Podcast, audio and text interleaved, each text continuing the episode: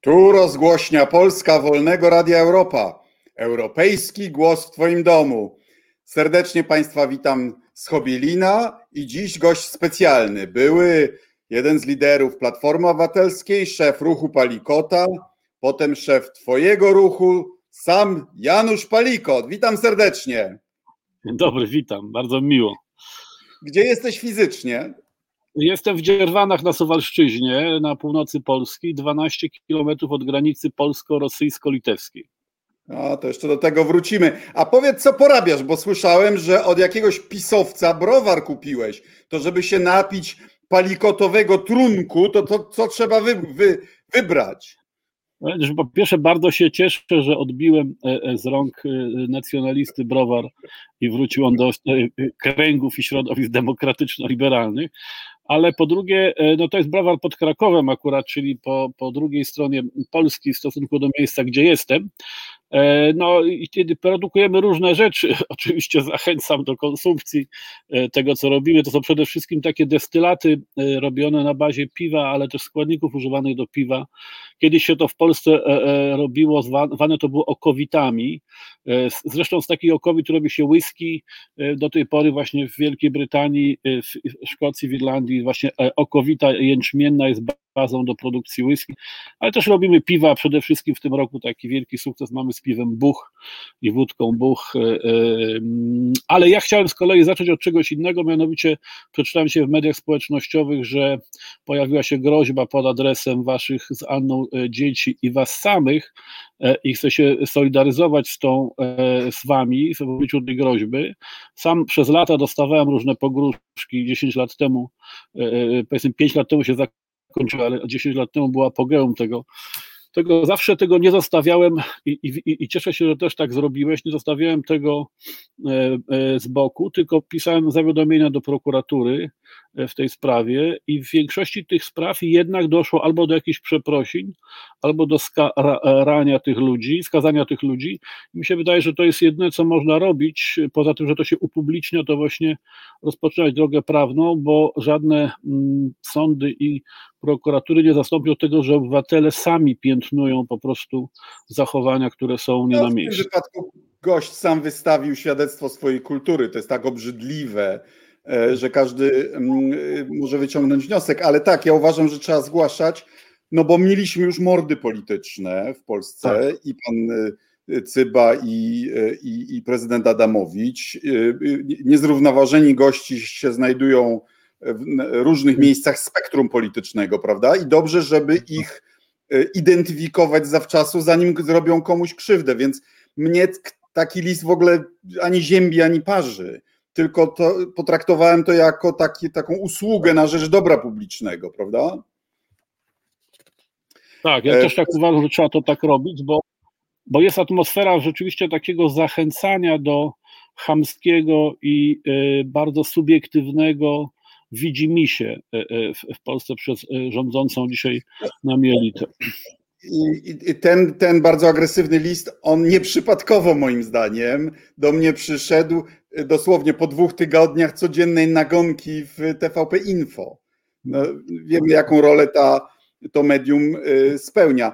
Ale wiesz, nam mogą zarzucić, że ani ty, ani ja przecież nie stronimy od nawet bardzo twardej debaty, bardzo ostrej debaty publicznej, tak? Ale jest. Tak zasadnicza różnica między, między e, twardą debatą, a groźbami karalnymi, a grożeniem komuś śmiercią, prawda? No tak, tak. To jest niedopuszczalne i absolutnie nie możemy tego tolerować i, i trzeba z tym e, za wszelką cenę walczyć. A jak daleko jesteś od, od granicy białoruskiej? No też niedaleko, bo, bo, to musiałbym trochę zjechać wzdłuż granicy litewskiej na, na południe, ale to jest morze gdzieś tak w granicach, ja wiem, 50-60 kilometrów, nie okay. Jesteś ministrem spraw wewnętrznych. Co byś zrobił e, w sprawie uchodźców? No, przede wszystkim jednak bym ten e, temat e, e, w czysto taki humanitarnym aspekcie tych konkretnych ludzi, którzy się dzisiaj znajdują e, na granicy, no jednak należy udzielić im pomocy co nie, co nie ma być oczywiście zachętą, żeby wszyscy bezkarnie przekraczali granicę polską, ale no te konkretne osoby, które tam się już znalazły w wyniku pewnej intrygi Łukaszenki, no to powinny być osobami objętymi pomocą, zwłaszcza, że wielu Polaków się zgłosiło z chęcią do takiej pomocy. I równocześnie udzielając tego wsparcia tym konkretnym ludziom, można podjąć różne działania ograniczające jakby e, tego typu grę polityczną. Wiesz, mnie zaszokowało to, że tam nie ma infrastruktury granicznej. Ja byłem przekonany, że ta granica z czasów PRL-u i ZSRR nadal tam jest.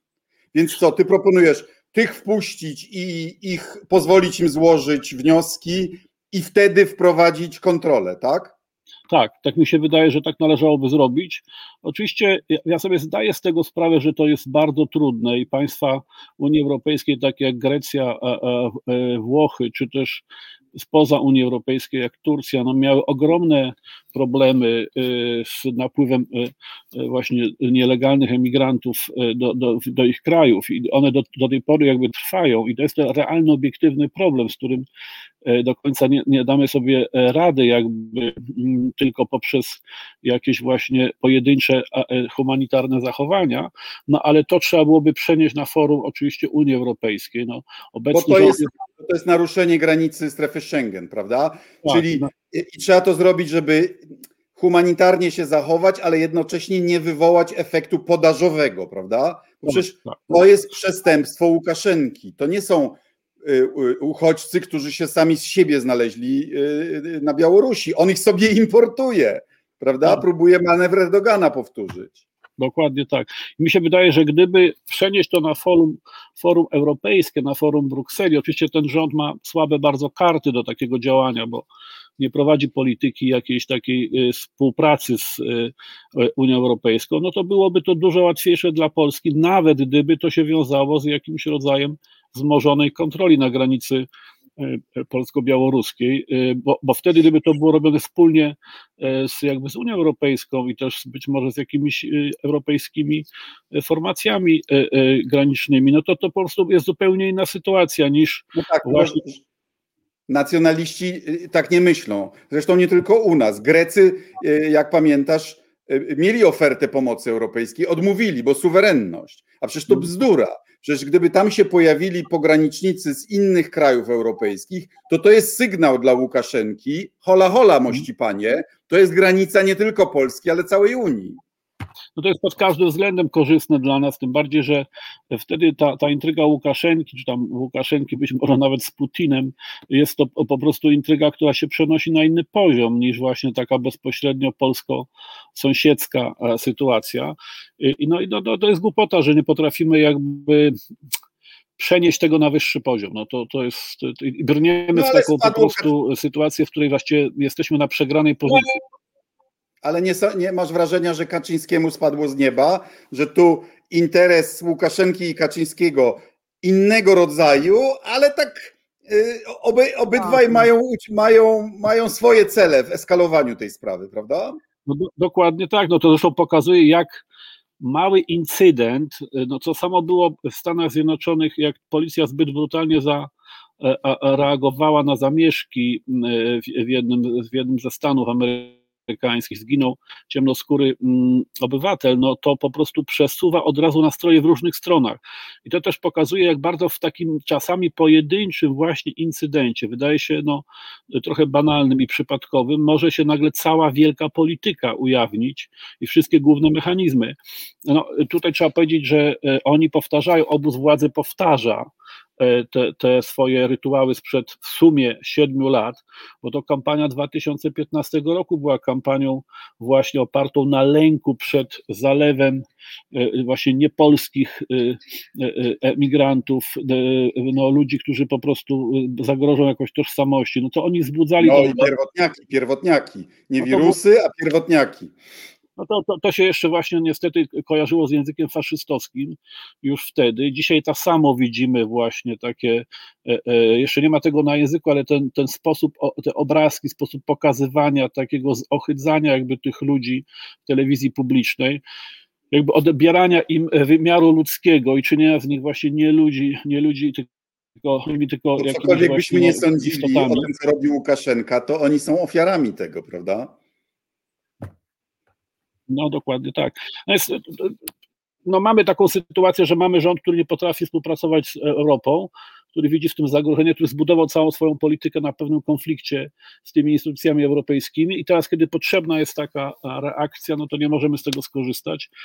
No dobrze tutaj rozegrał tę sprawę e, Donald Tusk, e, próbując nadać temu charakter taki ogólnonarodowy, a nie tylko relacji obecnej władzy do, do tej grupy ludzi. No, Chcę wrócić oczywiście... do Tuska, Chcę wrócić do Tuska, ale, ale wróćmy do przeszłości na moment, no bo kończyłeś KUL, tak, filozofia, doktorat z Kanta, to jeszcze na tak. KULu, czy już w Warszawie? W Warszawie, nie, to w Warszawie. Ja zaczynałem Aha, na Kula, okay. skończyłem w Warszawie uniwersytet, ponieważ y, no, ja zaczynałem w czasie stanu wojennego studia i tam były różne ograniczenia, między innymi ja nie mogłem studiować na państwowej uczelni, dlatego wybrałem KUL, będąc wtedy już ateistą, e, a, ale no, dziękuję Kulowi oczywiście, że mnie wtedy przygarnął, bo bym musiał pójść do wojska i moje życie by się pewnie potoczyło zupełnie inaczej, ale po dwóch latach, jak te przypisy stanu wojennego zostały tak, zostałeś cywil bandą na zawsze. To się przeniosło. Trochę no tak. No dobra. Przeniosłem do Warszawy i kończyłem w Warszawie. Dumny jesteś z kolegi absolwenta pana ministra Czarnka, profesora Kulu? Nie. No nie, no oczywiście ja wiem, że to jest pytanie retoryczne, to jest obrzydliwy, cyniczny gracz, e, e, po prostu niebywałego kalibru e, nihilista. No i, i, i po prostu jest przerażające to, jak dzisiaj kul wygląda. Bo, bo trzeba pamiętać, że w kulu były różne fazy w, w tej uczelni. No, lata 60., kiedy była taka czystka wobec ludzi pochodzenia żydowskiego, to właśnie bardzo wielu wykładowców tego typu trafiło do kulu właśnie, trafiło na kul i pracowało na kulu. Koniec lat 60., lata 70. E, to jest naprawdę bardzo dobra uczelnia wtedy, e, Katolicki Uniwersytet Lubelski i, i, właśnie taka wobec tamtego systemu bardzo otwarta. I jeszcze ten, ten okres początku lat 80., który już był taki epigoński, jeżeli chodzi o wymiar naukowy, bo e, to, to już byli bardzo sędziwi ci, ci, ci, ci twórcy tej, tej, tej, tej uczelni z lat 70., ale no to jeszcze wciąż była pewna klasa. No i potem, jak oni w pewnym sensie odeszli na emeryturę i przyszli tacy ludzie, jakich dzisiaj mamy, plus całe to zaangażowanie Kościoła, w tym też kulu, e, w bezpośrednią partyjną politykę dzisiejszą, no spowodowało, że mamy do czynienia z takimi ludźmi, ale też też bronić kulu i powiedzieć jasno, że na kulu są ludzie nie tylko tacy jak czarnych, tylko też. No dobra, ale jak można dostać profesurę? Słuchaj, profesurę z kulu ma niejaki ksiądz Tadeusz Gus. Znaczy patentowany dureń, który mówi o tym, że 11 września nie, miał, nie, nie, nie było zamachów i który mówi, że od księdza nie można się wirusem za, zarazić. No jak, no jak tak. w ogóle to jest możliwe, że tacy ludzie dostają stopnie naukowe i tytuły naukowe? To jest sytuacja i ona jest rzeczywiście, y, y, świadczy o całkowitej degeneracji tego, tego systemu. No ale jeszcze wciąż tam jest y, Szostek, jeszcze jest tam kilku ludzi przytomnych. Oni są w mniejszości oczywiście i, i, no i to zmierza w jak najgorszym kierunku, co się dzieje z, z kulem. No, tak jak zresztą z całym kościołem instytucjonalnym, no przecież to nie jest tylko kwestia Czarnka, a Jędraszewski, a, a prawda Dziwisz, a, cała masa ludzi. No, Kościół znalazł się w rękach ludzi, którzy E, rozumieją e, go wyłącznie jako instytucję polityczną, instytucję władzy i dogadali się, i myślę o tym zresztą bardzo prymitywnie, bo jako blatowanie się z tą władzą, która dokładnie jest, bez pola manewru na, na inne e, konstelacje, co jednak jeszcze ci liderzy kościoła z lat 60. i 70. lepiej czytali politykę, byli lepszymi politykami niż obecni. Oni po prostu bardzo krótkowzroczni, co akurat mi się podoba, bo jestem zwolennikiem świeckiego państwa, więc zakładam, że Kaczyński z e, Czarnkiem wykończył. Nawet apostazji dokonałeś, ale, ale kiedyś patronowałeś Ozonowi.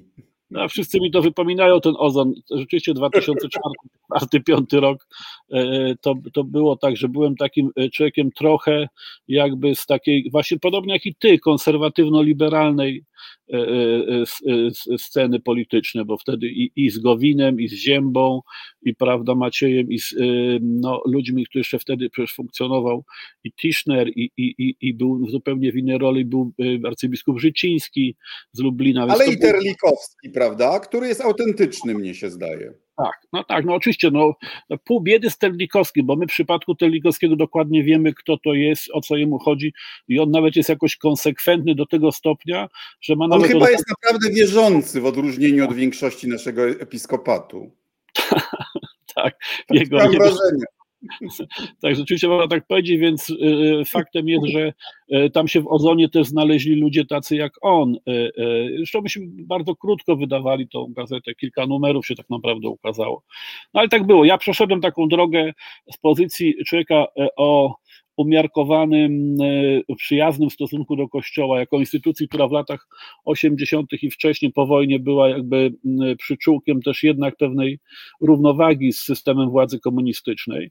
I ja Kulowi sam zawdzięczam wtedy właśnie bardzo dużo w tych latach 80., że mnie uchronił przed represjami, więc dlatego e, miałem taki jakiś ciepły, powiedziałbym, i przyjazny stosunek, niezależnie już od osobistego stosunku do wiary. Natomiast e, od tamtego czasu, no to nas, nas nastąpiła niesamowita degrengolada i degradacja tego, tej, tej instytucji. O jedną jeszcze kwestię historyczną chcecie zapytać, bo jak pamiętasz, skrzyżowaliśmy szpady w czasie prawyborów w Platformie Obywatelskiej. Ty popera, poparłeś Bronka Komorowskiego, wygraliście, no ale drugiej kadencji nie dostał. Jak na to patrzysz historycznie teraz? Wiesz, ja sobie myślę, tak ja niedawno rozmawiałem z Lechem Wałęsą i zadałem mu takie pytanie, czy e, dlaczego nie powołał za pierwszym razem Geremka, tylko Mazowieckiego, chociaż jak, jak wiadomo było, był mu Geremek bliższy w tym pierwszym okresie. E, I on mówi, że, że bał się właśnie tego, że e, do, dotyczące jego pochodzenia zarzuty jakby no, prowadzą do większych strat, jak on to określił, niż, niż sama, sam, sama zamiana Geremka na Mazowieckiego. Więc ja uważam, że w tamtych warunkach 2010 roku, po tej katastrofie smoleńskiej, po tym nieprawdopodobnym rozchwianiu nastrojów społecznych, taki konserwatywny Komorowski, prawda, e, e, będzie łatwiej... wybory były przed, Smoleńsk, były przed Smoleńskiem. No zgoda, zgoda, tak. Ale, ale od, same wybory się odbyły już, już, już po. Mi się wtedy jakoś wydawało, że Komorowski jest bezpieczniejszy, chociaż z punktu widzenia unowocześnienia polskiego państwa, no to, to nie patrząc już wtedy, co było bardziej prawdopodobne, to, to wasza, e, czyli twoja i Anny e, kandydatura była lepszą kandydaturą, tak patrząc na to, na ten proces unowocześnienia państwa. Natomiast z punktu widzenia takiego momentu, w którym wtedy się znajdowaliśmy, to Komorowski był lepszym kandydatem. A to, że nie, nie został drugi raz prezydentem, to jest po prostu nieprawdopodobna, nieprawdopodobny skandal, bo w zasadzie on nie miał prawa przegrać tych wyborów. I od tego się zaczął zjazd Platformy, nie od ośmiorniczek, tylko od przegranej Komorowskiego. Ale mhm. wracając do kwestii, do której ty tak nie, nie bezpośrednio się e, odniosłeś, to ja, e, e, bo Geremek wiadomo jak, jakiego pochodzenia, więc ja ci zdradzę naszą maksymę rodzinną, jeśli no. chodzi o, o problem antysemityzmu w polskiej polityce. Tak. Pieprzyć antysemitów. I tak nie kupują naszych książek i i tak na nas nie głosują. No to, to prawda. To prawda, że tak. I e, e, właśnie wsparłem teraz e, Fundację imienia Izaka Beszawisa Zingera z Biłgoraja, kierując się tą samą zasadą właśnie, żeby pieprzyć antysemitów. I trzeba to oczywiście robić i być może, jak, jak, jak patrzę wstecz, to ja być może bym podjął niektóre decyzje, zresztą w różnych sprawach inaczej. Na przykład bym dzisiaj, gdybym wrócił do 2010 roku, to bym nie odchodził z Platformy, tylko bym tylko bym w niej został. Ale wiesz, no to, to znaczy, czy ja żałuję, że odszedłem? Do tego chcę jeszcze wrócić. Do tego chcę jeszcze wrócić. Ale teraz, bo ty de, de facto um, miałeś bardzo mocny głos wtedy, gdy zaczęło się mówić o powrocie Tuska i prawidłowo przewidziałeś, że powrót Tuska będzie dużym wydarzeniem, że, że Tusk ma w sobie tą energię, tą, ten potencjał do y, nie tylko do polaryzacji, nie tylko do tego, że Kaczyński straci rozum, ale do kreowania widowiska, prawda? Tak. Jak oceniasz jego powrót? No, na razie bardzo pozytywnie. To znaczy, jemu wystarczyło dosłownie no dwa, dwa i pół miesiąca, żeby jakby wyciągnąć z pewnego kryzysu Platformę Obywatelską i na równa, na, znaczy wywołać równorzędną walkę e, e, z PiSem, bo tam czy ta różnica jest w tej chwili 5 czy 7 no to ona jest jednak różnicą dwa razy mniejszą, albo nawet dwa i pół raza mniejszą niż była jeszcze trzy miesiące temu. I to już jest różnica, która jest jakby w zasięgu. Ja jestem przekonany, że E, po pierwsze, a dzisiaj obóz e, władzy jest e, w kryzysie typowym dla drugiej kadencji, dla drugiej połowy drugiej kadencji. Oni już szorują brzuchem po dnie i będą się jakby w takiej degrengoladzie posuwać. Co, co więcej, ci, którzy dzisiaj jeszcze mieli nadzieję na jakieś różne konfitury, wiedzą, że one się kończą, trzeba się zabezpieczyć i spróbować przetrwać w nowej konfiguracji. W związku z tym będą się rozglądać za jakimiś innymi politycznymi scenariuszami, więc to będzie się w ciągu tego roku sypało. Ja zakładam, że wybory odbędą się wcześniej. Nie za, nie za dwa lata, tylko mniej więcej za rok czasu, powiedzmy wiosną, jesienią przyszłego roku. E, I nie, no jesienią nie ma możliwości. E, jedyna możliwość to jest nieuchwalenie budżetu, czyli albo wiosna 2022, albo 2023.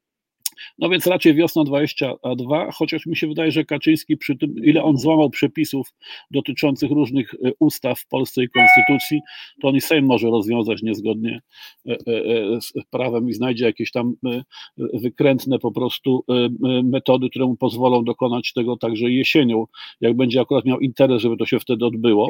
Natomiast mhm. chcę, chcę powiedzieć, że Tusk doskonale wyczuł, że to jest moment na, na wejście do gry, bo właśnie obóz władzy się sypie.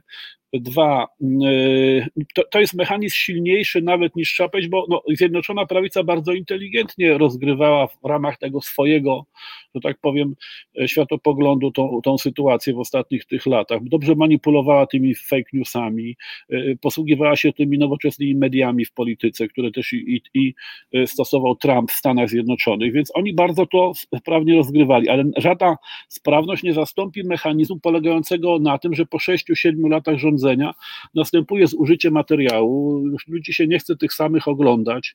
No, takie najprostsze, najbardziej banalne w polityce jest właśnie to, że przychodzi okres znudzenia tymi ludźmi. I oni po prostu są dokładnie w tej fazie. A, a, a oni są totalnie wycieńczeni, prawda? Już nie mają pomysłów. Tak jest. Także to jest taki moment, w którym to się będzie sypało. No i teraz co?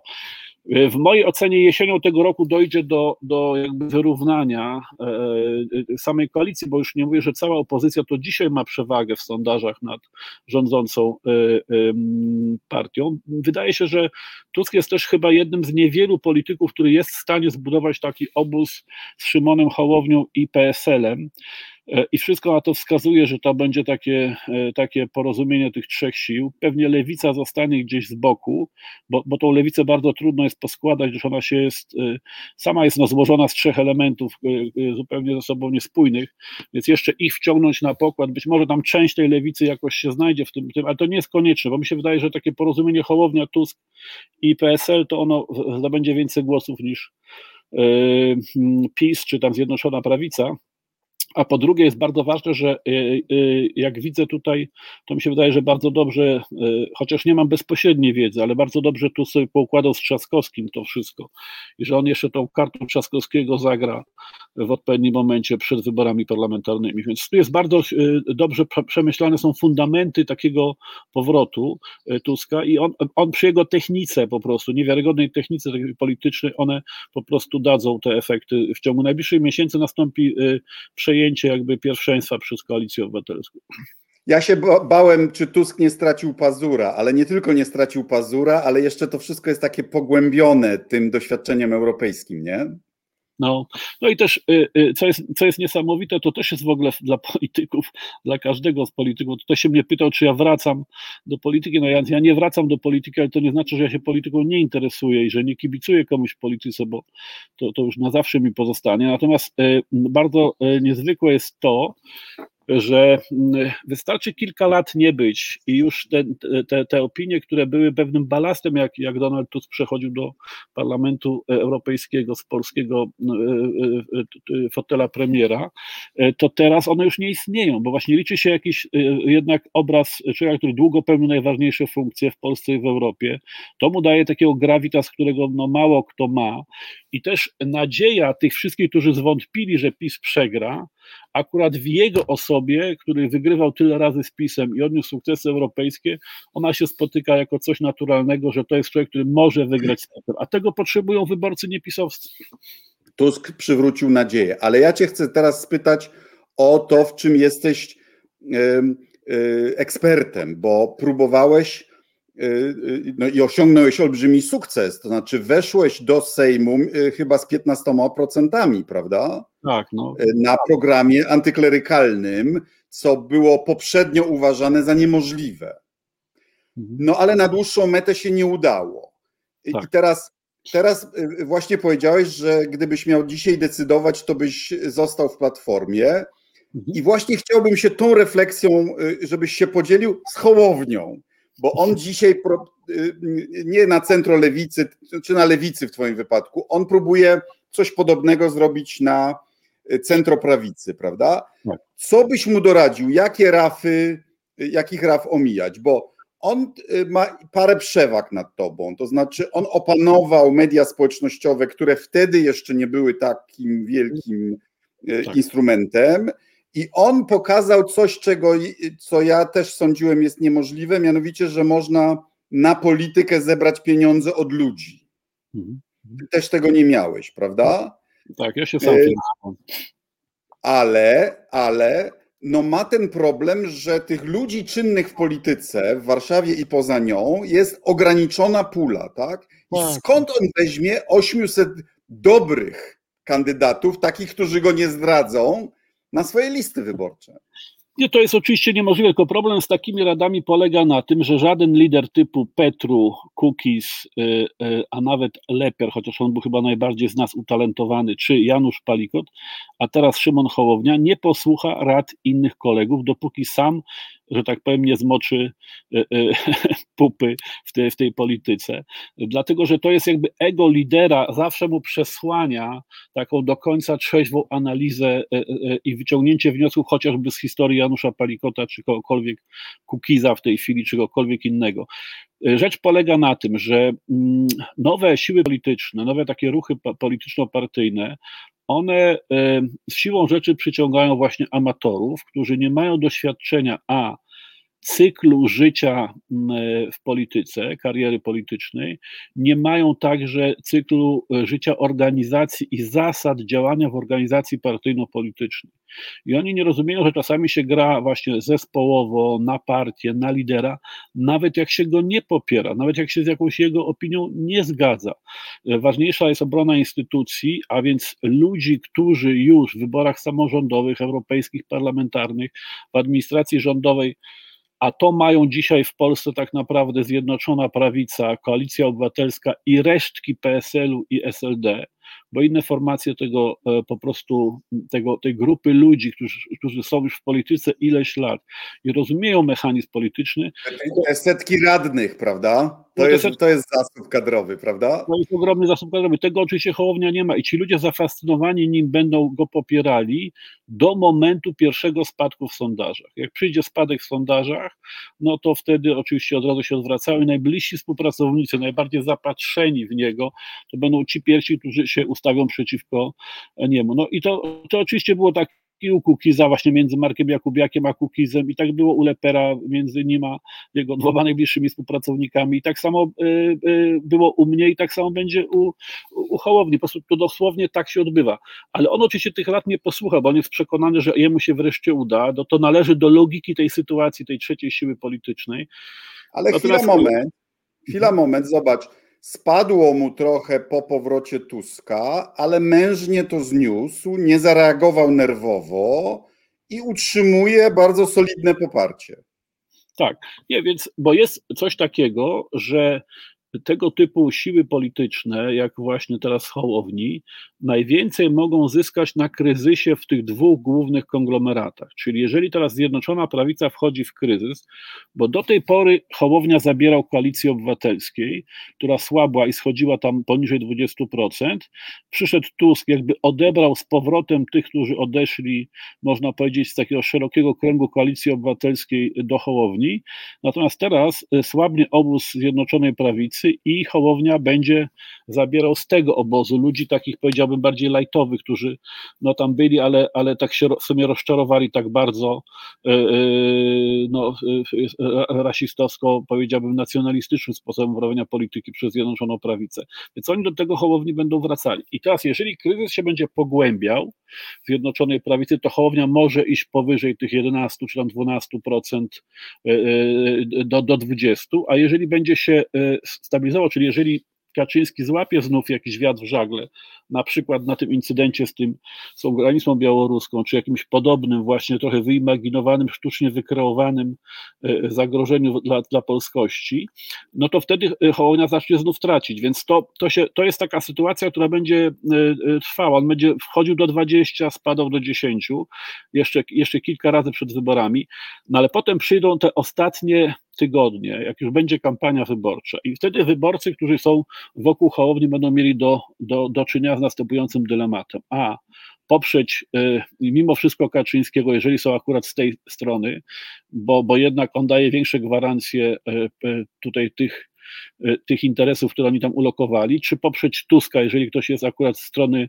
e, powiedzmy, demokratyczno-liberalnej e, w obozie Hołowni, bo Tusk jednak może najbardziej skutecznie zagrozić Kaczyńskiemu. I zawsze te formacje w ostatnim miesiącu, wszystkie te formacje nowe, w ostatnim miesiącu w czasie kampanii wyborczej, one się gdzieś tam na tych między 11 a a czy tam powiedzmy między 8 a 12, 14% zatrzymują. I bardzo trudno będzie moim zdaniem y, też Hołowni wyjść, chyba że się rozleci PiS, no bo Kaczyński odejdzie z polityki, albo się y, jakaś afera wielka zrobi po stronie y, koalicji i, i też wyeliminuje to, tą istotną część. Ale... Teflon stracili, prawda? Teraz już się nepotyzm i parę innych rzeczy przyklejają do nich. Ale może byśmy odpowiedzieli pani Marii Lempaszek, tak. E, która mówi: Od roku apelują o utworzenie wielkiej koalicji czterech kolorów. Tylko tak duża koalicja ma szansę wygrać z PiSem.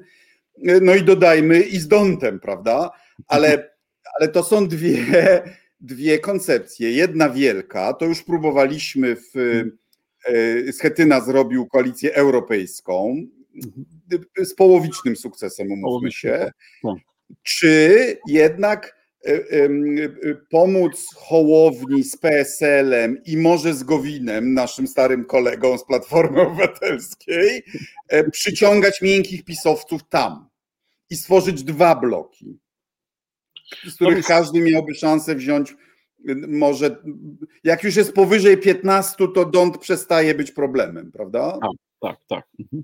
No, słuchaj, ja, ja bym tego nie wykluczał oczywiście, yy, tym bardziej, że na lewicy jest taka posłucha, nie ma żadnego prawdziwego lidera dzisiaj po stronie lewicowej, który by tam mógł coś powalczyć. No Rozenek więc... dobrze i Rozenek y, był u ciebie, prawda? Tak, był, tak, był w ruchu Palikota. On się, on taką jasną linię ideową wyznaczył tak. y, nie kolaborowania z PiSem, prawda? No tak, to jest bardzo silne i to, to jest potencjalnie człowiek, który może jakby zintegrować właśnie ten, te, tych ludzi y, dzisiaj trochę pogubionych na lewicy.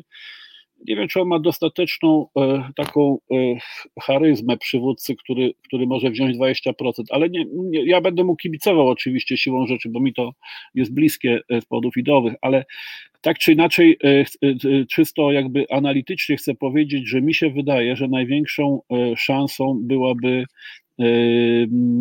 byłby, byłaby koalicja bez lewicy, znaczy Hołowni Koalicji Obywatelskiej PSL-u, bo ona się jakoś tam mieści, ale wiem, że to jest pewien problem dla Hołowni, bo on traci w pewnym sensie cnotę takiej alternatywy. W związku z tym u niego będzie bardziej e, to myślane w kategorii zrobienia właśnie takiej koalicji może z Gowinem właśnie, czy, czy z PSL-em i to też jest dobre rozwiązanie. Ja uważam, że jeżeli Koalicja Obywatelska z Tuskiem zostaje sama, mamy koalicję wokół Hołowni, PSL-u i powiedzmy ludzi odchodzących od, od, od Kaczyńskiego i mamy lewicę mniej lub bardziej powiedzmy sobie poukładaną, no to, to też jest bardzo dobre rozwiązanie, bo faktycznie to oznacza, że pierwsze dwa ugrupowania, czyli Koalicja Obywatelska i Hołownia z otoczeniem mają powyżej 15%, raczej mają nawet w granicach powyżej 20% koalicja i blisko 20% Hołownia, to to jest bardzo dobra sytuacja, żeby te dwie siły polityczne później wygrały wybory, stworzyły rząd. Co więcej, dla Hołowni to jest niesamowita gratka, bo może być właśnie pierwszym tego typu liderem, który od razu wejdzie do rządzenia, co mu bardzo scementuje formację jego własną. I... No i on potrzebuje nabrać doświadczenia państwowego, prawda? Tak. Tego mu brakuje. Co więcej, jak ludzi on swoich wsadzi tam na różnych wiceministrów i innych urzędników i oni będą zajęci bieżącą robotą taką administracyjną, państwową, to mu to też bardzo ustabilizuje sytuację wewnątrz formacji, bo nie będzie tych frustracji, które zawsze są, kiedy się jest w opozycji. Wygrało się, prawda, wybory niby, bo się jest trzecią siłą polityczną, a jest się w opozycji i trzeba czekać kolejne cztery lata, żeby cokolwiek z tego programu czy osobistych ambicji zrealizować. No to bardzo frustruje i doprowadza pod koniec pierwszej kadencji do kryzysu w takich formacjach, więc w tym przypadku on by tego uniknął, to było, było bardzo korzystne dla niego. Mi się wydaje, że to, to jeszcze są dwa scenariusze, które leżą na stole i Tusk e, jest na tyle jakby elastycznym i jakby takim e, obiektywizującym sytuację politykiem, że on, e, mając prawdopodobnie możliwość jednego i drugiego scenariusza poparcia, on to będzie rozważał, że tak powiem, do, do, do ostatniej prostej, kiedy już będzie wiadomo, że są wybory za parę miesięcy. Byliście z Gowinem z kraj takimi skrzydłowymi frakcjami w Platformie Obywatelskiej. No i zobacz, on został wicepremierem, a ty nie. Ja tam nie żałuję. Nie chciałbym być wice, wicepremierem na takich warunkach jak Gowin. To, to, to, nie moja, to nie moja bajka, to sposób prowadzenia polityki. Ja oczywiście e, szanuję to, że ktoś sięga po władzę instytucjonalną, bo to jest zawsze największy sprawdzian e, polityczny, że się jednak jest funkcjonującym premierem, wicepremierem, czy, czy prezydentem, czy ministrem ważnego resortu. To oczywiście są e, absolutnie takie no, cele polityczne i do nich się dąży. Natomiast też nie zawsze i wszędzie no, samo bycie ministrem, no, czy, coś, czy coś po Gowinie zostanie tak naprawdę. No to, to jest tak niekonsekwentna polityka. Najpierw taka jakaś tam reforma za platformy tego. E, e, e, reforma szkolnictwa uważam była w dobrym kierunku, choć za mało radykalna. On próbował elementy racjonalnego zarządzania uczelniami wprowadzić, no ale hipotekę obciąża mu, zresztą przeprasza za to teraz, no, udział jednak w niszczeniu niezależności sądownictwa, prawda? Tak, tak, no to niestety tak. No więc y, ja nigdy zresztą nie uważałem go za twardego gracza, bo był ten taki moment właśnie, w którym y, była zachwiana pozycja Schetyny i wtedy myśmy mogli jako tacy skrzydłowi w Platformie znacznie więcej przyjąć realnej władzy wewnątrz Platformy, ale on się nie chciał do, dogadywać tak na ostro ze mną, tylko wolał y, trzymać się jakoś tam Schetyny w tamtym momencie. Schetyny, że była cała jasność, którego oceniał za bardzo też wybitnego polityka i, i dużego specjalistę, mm, zwłaszcza właśnie od takich technik politycznych. Ale, ale tak czy inaczej to było... Dzięki Schetynie mamy, mamy y, opozycyjny senat, prawda? I, i, i imponujące zwycięstwo w Warszawie. No dokładnie tak, więc w tym sensie oczywiście e, nie, nie mówię tego, żeby pomniejszać zasługi Schetyny, ale był moment, kiedy on był osłabiony przez Tuska e, usunięciem z rządu i była to naturalna sytuacja dla takich nowych liderów jak Gowin i ja, żeby próbować mieć więcej władzy w tej sytuacji wewnątrz e, klubu czy całej formacji, ale Gowin wtedy nie przystąpił do, do tej rozgrywki. No, to znaczy, to, to, to już zostawmy Gowina, bo moim zdaniem nie, niewiele po nim pozostanie, gdyż on właśnie nie, nie zostawił żadnego konkretnego jakby dokonania, no tylko trwał po prostu w różnych formacjach, więc to, to jest moim zdaniem przejściowe. Ja już wolę tam mm, swoje dokonania polegające na tym, że jednak trochę zmieniłem język mówienia o Kościele, bardziej on jest nowoczesny, bardziej świecki, bardziej o jako instytucji władzy, niż właśnie jak to było w Polsce jeszcze 10 lat temu, jako jakiegoś szczególnego e, punktu odniesienia. Też mi się wydaje, że sprawy mniejszości seksualnych, e, e, praw ludzi, praw kobiet, no one zyskały w ciągu tego roku. Nawet jeżeli mamy teraz jakiś, znaczy tego okresu, mamy jakiś regres, ponieważ no mamy takie rządy prawicy, to to jest naturalna reakcja na pewną, pewien wysiłek w społeczeństwie, gdzie jednak przez kilka lat odbyła się niesamowita debata na temat A, roli Kościoła, B, praw mniejszości seksualnych. I, I mamy wielkie przesunięcie opinii w tych sprawach.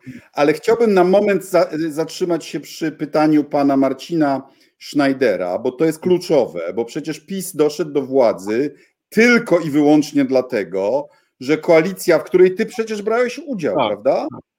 Y, tam jej zabrakło wam ilu? 30-40 tysięcy głosów? No, no 0,4%. 0,4%. 0,4%, dlatego że partia razem wyskoczyła, bo, bo, była, bo, bo, bo, bo, bo, bo jedną dobrą debatę miał y, lider, prawda? No i pytanie, czy ten, czy, te, czy znowu się nie może dobrych parę procent lewicowych nie zmarnować? Jak to widzisz? No, oczywiście, że tak. W tym sensie byłoby lepiej, gdyby była szeroka koalicja, ale moim zdaniem ona jest bardzo trudna. Jestem tutaj pragmatykiem technicznym, no bo mamy razem, mamy SLD, mamy jeszcze jakieś środowisko Biedronia, czyli dawnego, powiedzmy, Twojego ruchu. Y, więc to są tak jakby no, odrębne środowiska, że one same sobie stanowią problem. Może Rozenkowi się uda e, to pozbierać, wszystko, oby tak się stało. To, to nie byłoby naj, naj, najgorsze rozwiązanie. Natomiast mi się wydaje, że tutaj trzeba e, jednak liczyć się z tym, że mm, znacznie większą rolę odegra Hołownia i jego wynik niż wynik lewicy. I jeżeli można coś zrobić, to wracając do Twojej propozycji, żeby wesprzeć w tym sensie Hołownię, żeby on się umocnił powyżej tych 15% na trwałe, to jest, e, e, to jest no i żeby on był, i żeby on był, był ty, tym pomostem dla nie, nie, niezdegenerowanych pisowców, prawda? No dokładnie tak. I, nie, I wtedy, moim zdaniem, to, to, jest, to jest A, dużo łatwiejsze, bo tu punkt wyjścia już jest taki, że Hołownia jest na poziomie kilkunastu procent, prawda? 11, 12, może nawet 15 procent, różne są te sondaże, ale on już jest na jakimś poziomie, więc dojść z tego poziomu do Y, y, właśnie y, trwałego 15, 16, 17% poparcia jest dużo łatwiej niż wyciągnąć lewicę z obecnych 4% i takiego rozbicia strukturalnego, które polega na tym, że no są trzy odrębne środowiska, które się nie lubią i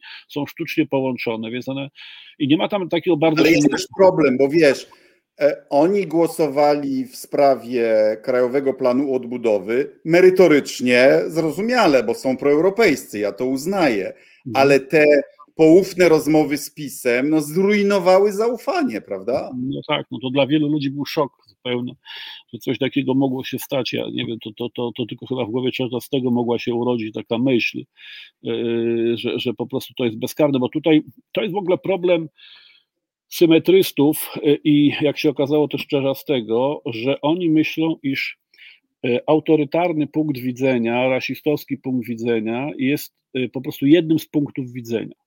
Tak z takim samym, y, tylko innym jak punkt widzenia demokratyczny, europejski, czyli, a to tak nie jest po prostu. O, to nie jest, y, to jest coś, co jest poza pewnym systemem wartości europejskich i, i po prostu my nie możemy tego w żaden sposób uznawać za dopuszczalny punkt widzenia. To jest niedopuszczalne po prostu w bardzo wielu fragmentach. A poza tym oni pokazali coś, co mnie mówiono, ale w co ja nie wierzyłem że oni nie, nie, cierpią lipków bardziej niż boją się PiSu.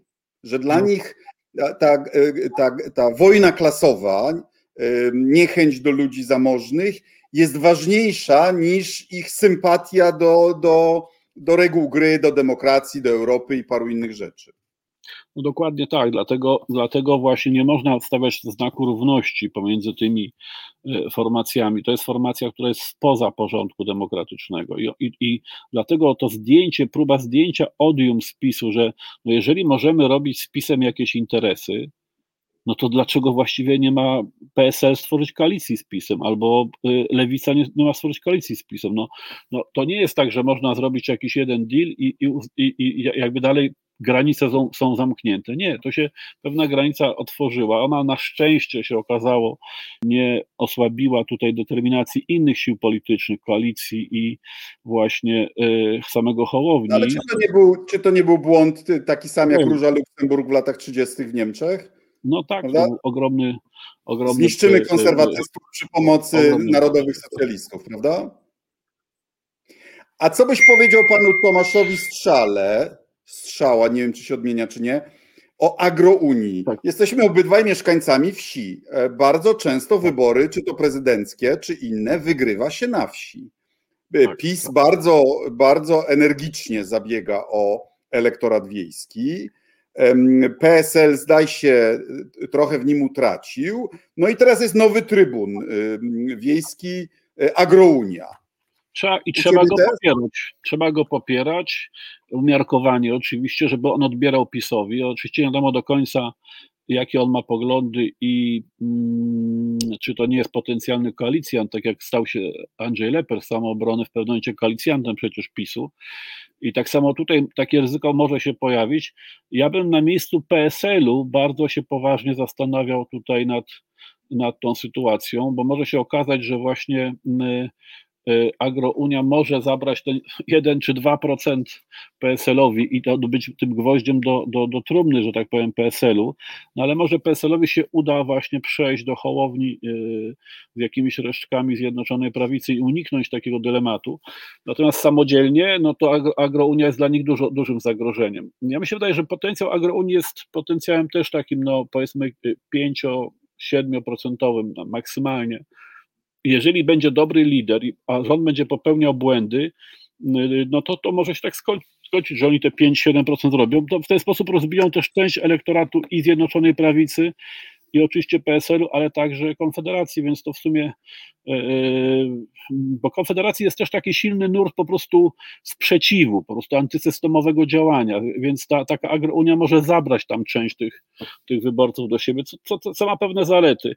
Mi, mi się wydaje, że... Konfederacja, e, tak jak ja rozmawiam z ludźmi, bo znam ludzi głosujących na Konfederację, to są trzy elementy, to znaczy eurosceptycyzm, Mhm. libertarianizm ekonomiczny, mniej regulacji, niższe podatki e, i twardzi antysemici. Tak. E, I ja znam przedsiębiorców, którzy głosują na e, Konfederację z tych, z tych pobudek takich libertariańskich. I to jest moim zdaniem tragedia. Tych ludzi trzeba odzyskać, bo oni w pakiecie z obietnicą niskich podatków i uproszczenia biurokracji dostają antysemityzm i antyeuropejskość. A no przecież antyeuropejskość nie jest w interesie polskiego biznesu. No oczywiście, że nie. Tak jak dzisiaj, ja teraz wróciłem do biznesu, jeżdżę po Polsce i odwiedzam zakłady, od których kupuję czy to butelki, czy to kartony, czy jakieś inne potrzebne mi rzeczy. E, I e, muszę powiedzieć, że jestem e, naprawdę pozytywnie, niesamowicie zbudowany, jak te firmy, które znam sprzed 10-15 lat, jak jeszcze prowadziłem Polmos czy Ambre, jak oni się rozwinęli dzięki środkom europejskim. To są inwestycje w setkach milionów złotych, także niektóre z tych fabryk, kartonów, zresztą w Bydgoszczy jest świetny producent etykiet, po prostu jeden z najlepszych w Europie i z największych dzisiaj w Europie. I to jest jeszcze mój partner, często z tego powodu tam bywam, ale chcę powiedzieć, że to, jak oni mają dzisiaj unowocześniony park maszynowy, za naprawdę setki milionów złotych i że są liderami swoich kategoriach w Europie, no to było 10 lat temu nie do pomyślenia bez pieniędzy europejskich. Więc każdy, kto, kto zajmuje się interesami w sposób nieideologiczny, no to widzi po prostu, że Europa wyciągnęła polską gospodarkę z zapaści na poziom naprawdę dzisiaj e, e, e, europejski. To jesteśmy gospodarką dzisiaj konkurencyjną wobec najsilniejszych gospodarek europejskich. To, to było nie do pomyślenia 10 lat temu i nigdy by się nie zdarzyło bez pieniędzy europejskich. Pieniądze europejskie to raz, ale przecież nie to jest najważniejsze.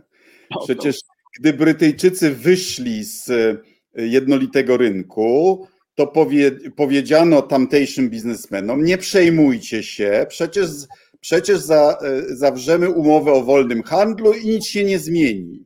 I to było oszustwo intelektualne, polegające na tym, że ludzie, no, umowa o wolnym handlu, aha, wolny handel, czyli będzie tak jak do tej pory. No nie, to jest zupełnie coś innego. No jasne. Jak, jak dzisiaj Ziobro mówi, że jakbyśmy wyszli z Unii, to dostaniemy wpływy z ceł. No tak, to prawda, dostaniemy wpływy z ceł, tylko że na Odrze będzie granica celna i będą cła w obydwie strony. Niemcy też będą mieli wpływy z ceł. No I... prawda, to trzeba być naprawdę e, e, e, no, no, pełnym demagogiem, żeby wciskać ludziom taką historię. Polska żywność podbija całą Europę dzięki temu. Różnicy między strefą wolnego handlu a jednolitym rynkiem, więc ją tutaj zdefiniujmy. Strefa wolnego handlu to jest wtedy, gdy stawka celna na tej granicy jest zero. Tak jest. Ale nadal muszą być kontrole graniczne, y, bo VAT, bo pochodzenie towarów i bezpieczeństwo towarów. Tak a jednolity rynek to jest taki rynek, który jest rynkiem wewnętrznym, to znaczy tak jakbyśmy byli w sensie handlowym w tym samym kraju, czyli tak żadnych dodatkowych kontroli granicznych. te same certyfikaty bezpieczeństwa, te same certyfikaty weterynaryjne i tak dalej. Tego w strefie wolnego handlu nie ma. No oczywiście, że tak. No to jest to, ale to już, to wiesz, pieniądze to raz, regulacje to dwa, ale jeszcze instytucje, zasady funkcjonowania. Przecież te kwestie składania wniosków o pieniądze europejskie to nie jest tylko kwestia tych pieniędzy, tych kwot, tylko przejścia przez pewną procedurę sposobu uzyskiwania tych pieniędzy, wydawania tych pieniędzy, raportowania z wydawania tych pieniędzy, wykazywania celów z tym związanych, pewnej powiedziałbym, e, pewnego uniknięcia takiej e, prywatyzacji tych pieniędzy. One muszą być pieniędzmi spółki, która to dostaje i muszą tej spółce służyć. To jest takie e, prawdziwe stworzenie kapitalizmu, który się tym odróżnia od takiego rodzinnego, czy powiedziałbym rzemieślniczego myślenia, w którym myśmy tkwili, że właśnie ma obiektywne mechanizmy związane z byciem pomiędzy instytucjami. No to jest kluczowa sprawa, która się wydarzyła. Miliony wniosków przedsiębiorców polskich, polskich samorządów zmierzyły się w ten sposób z tym, co znaczy dzisiaj nowoczesne państwo na Zachodzie. To jest może najważniejszy dorobek tego wszystkiego, a, a nie tylko same kwoty, bo przecież ci ludzie, co z tego, że dostali pieniądze, skoro oni by nigdy nie mogli dostarczać tych etykiet, kartonów czy sera do e, e, klientów w Niemczech, Włoszech czy Hiszpanii, gdybyśmy nie byli właśnie w ramach e, Unii Europejskiej, a nie tylko stowarzyszeni czy w ramach jakiejś strefy wolnego handlu. Wspomniałeś o samorządach. To też jest przecież kluczowe, że te inwestycje europejskie w infrastrukturę zawsze wymagają dofinansowania przez samorząd, po to, żeby mieć pewność, że ta inwestycja jest naprawdę potrzebna. Bo jak nie masz współfinansowania y, albo nie masz środków europejskich, no to potem masz takie lotnisko Radom albo przekop Mierzei Wiślanej. No takie białe słonie są budowane, prawda? Czy teraz ten centralny port komunikacyjny, kompletnie bezsensowny, bez rachunku ekonomicznego. Nie, no tak, no właśnie to, ta polityka dysponowania środkami europejskimi, ona budowała nie tylko fabryki, nie tylko samorządy, ale funkcjonowanie tych instytucji ze sobą, czyli właśnie przedsiębiorców i samorządów i także administracji rządowej. To, to było po prostu tworzenie nowoczesnego państwa, więc to jest na, największa zaleta, która się wykona, dokonała w wyniku tego procesu. No, no Ziobro opowiada rzeczy, które e, e, adresuje do bardzo jakby niewykształconego części niewykształconego elektoratu swojego środowiska politycznego, żeby manipulować. Znaczy, jako były ludźmi. europoseł. Tak jak zresztą zrobili to. Jako były europoseł mówi bzdury, albo nie wie, albo cynicznie wprowadza ludzi w błąd co do tego, jak Unia Europejska funkcjonuje. Nie no, ale Ziobro jest cynikiem, no to przecież wiemy, on to robi całkowicie cynicznie, podobnie jak i Czarnek i tak dalej. To, co jest najbardziej może przerażające w obecnej formacji politycznej, to jest taki totalny cynizm no bo, bo jednak y, wcześniejsze, polityka zawsze jest sprawą różnych gier, różnych rzeczy i tak dalej, ale jest jednak coś takiego, że no była, był pewien system wartości, pewne, pewne tabu, których się nie przekraczało nigdy. Na przykład to była polityka proeuropejska, czy to była integracja z NATO, prawda? To były pewne rzeczy, które wydawały się, że ich nie, nie, nie ruszamy, bo one są w fundamentalnym interesie naszego państwa, naszego społeczeństwa. No niestety obecna władza w tej właśnie cynicznej grze o władzę posunęła się do tego, zaczęła grać fundamentami niezależności polskiego państwa, jakim jest e, integracja europejska i Stowarzyszenie e, Północnoatlantyckie. Więc to są rzeczy, które są niewyobrażalnie szkodliwe i mogą się zrodzić tylko w umysłach całkowitych cyników i nihilistów, dla których Polska jest wyświechtaną, po prostu wyświechtaną frazą, a nie niczym, co, co noszą w swoich sercach czy umysłach. Na koniec mam takie pytanie do ciebie, bo w 2014 roku, jak Kassandra, przestrzegałeś, że może wrócić Kaczyński, że może Macierewicz zostać ministrem obrony, że Ziobro, niestety twoje proroctwa się spełniły i pytałeś wtedy retorycznie, co robimy y, dla zabezpieczenia państwa. Ja nie wiem, czy można było zabezpieczyć państwo przeciwko tym, tym ludziom, ale jak, co teraz widzisz jako taka Sandra? To znaczy, czy Ziobro na przykład, wiesz, na początku było słowo i Ziobro teraz już mówi otwartym tekstem, że nie, nie powinniśmy być w Unii yy, za wszelką cenę. Czy gdyby dostali trzecią kadencję, to, to jak daleko uważasz oni się posuną? Mi się wydaje, że niestety będziemy mieli... I czy są gotowi posunąć się do sfałszowania wyborów?